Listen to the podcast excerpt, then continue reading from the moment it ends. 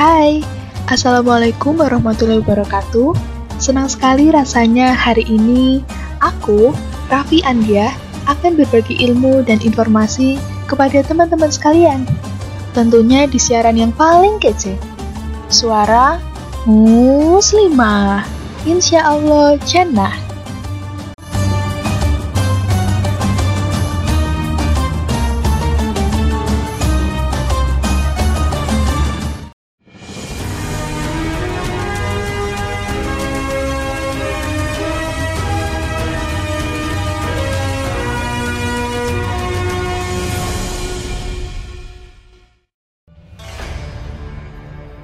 Dari tahun kemarin, kita udah cukup banyak menghadapi permasalahan ya, terutama saat pandemi masih berlanjut. Stres, capek, kesepian, bahkan bosan. Tapi nih, bukan berarti kita malas untuk berbuat baik dan melupakan kewajiban kita untuk beribadah dong. Memang, pandemi ini menguji segala aspek kehidupan kita, termasuk pernikahan. Pasti ujian pernikahan selama pandemi juga wow banget kan? Bahkan, kabar buruknya nih, selama pandemi COVID-19, angka perceraian di Indonesia meningkat sebesar 5% loh. Astagfirullahaladzim.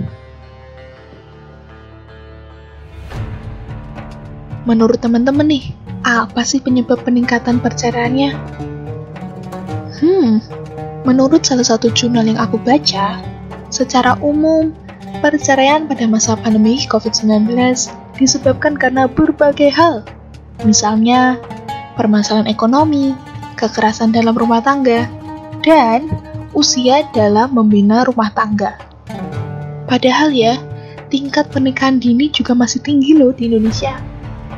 Menurutku sih, ya kebanyakan dari mereka memutuskan untuk menikah dini karena dengan dalih menghindari zina, yuk kita langsung nikah aja. Ya nggak gitu juga kali bro.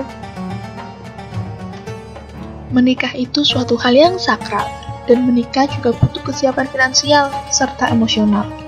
Bukan semata-mata, aku suka kamu, aku sayang kamu, aku cinta kamu loh.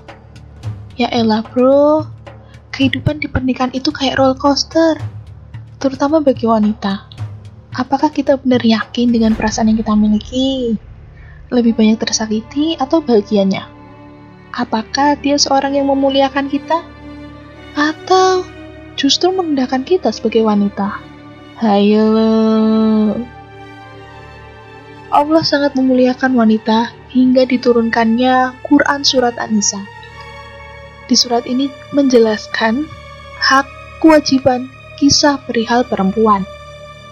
Cinta dalam kehidupan memang luar biasa, dan cinta seorang wanita tentunya sangat mulia.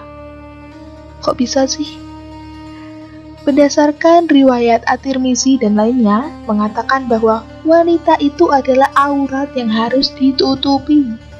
Bila ia keluar dari rumahnya, maka setan akan mengesankannya begitu cantik di mata lelaki yang bukan mahramnya. Inilah sebab kita sebagai wanita harus berhati-hati. Ingat ya, berhati-hati dalam menyikapi perasaan kita. Allah tuh melindungi perempuan seperti yang diriwayatkan pada hadis riwayat Bukhari dan Muslim. Janganlah sekali-kali seorang perempuan bersafar kecuali bersama dengan mahramnya. Nah kita sebagai yang dilindungi Mau sih ngasih cuma-cuma perasaan dan diri kita ke orang lain? Kan enggak. Nah teman-teman, aku tuh punya buku yang namanya Tadabur Cinta. Sekarang bukunya lagi ada di kos sih. Dan ada sebuah kalimat yang bahkan aku tulis di note HP ku biar aku tuh inget terus. Kutipan kalimatnya gini. Nyanyian cinta Imam Syafi'i. Jika seorang mencintaimu karena paksaan, maka tinggalkan, dan jangan beri ampun. Masih banyak cinta mengganti. Meninggalkan adalah ketentraman.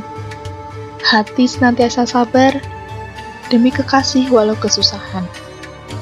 Jika beningnya cinta tiada alami, maka cinta yang datang karena paksaan pasti ada kebaikan. Dan hilanglah kebaikan dari kekasih yang berkhianat. Sesungguhnya cinta kita yang mulia ini harusnya diberikan kepada orang yang tepat. Zaman sekarang dengan fenomena media sosial yang berkembang, banyak nih kita lihat teman kita yang sesama wanita yang mohon maaf dengan sengaja mengumbar auratnya untuk mendapatkan lelaki. Nauzubillah min zalik. Teman-teman, sayang banget nih siarannya harus berakhir di sini. Yuk, mari kita pahami bersama bahwa cinta yang baik selalu mengajari cara menjaga diri, tidak melanggar batas, tidak melanggar kaidah agama. Apalah arti memiliki bila diri kami bukan milik kami sendiri. Itulah yang aku pelajari dari novel Rindu Terelie. Semoga kita tetap diberikan petunjuk menuju jalan yang benar sehingga kita setiap hari berusaha untuk memperbaiki diri, memantaskan diri, dan mengembangkan potensi diri untuk hal yang baik. Suara muslimah, insya Allah jannah. Wassalamualaikum warahmatullahi wabarakatuh.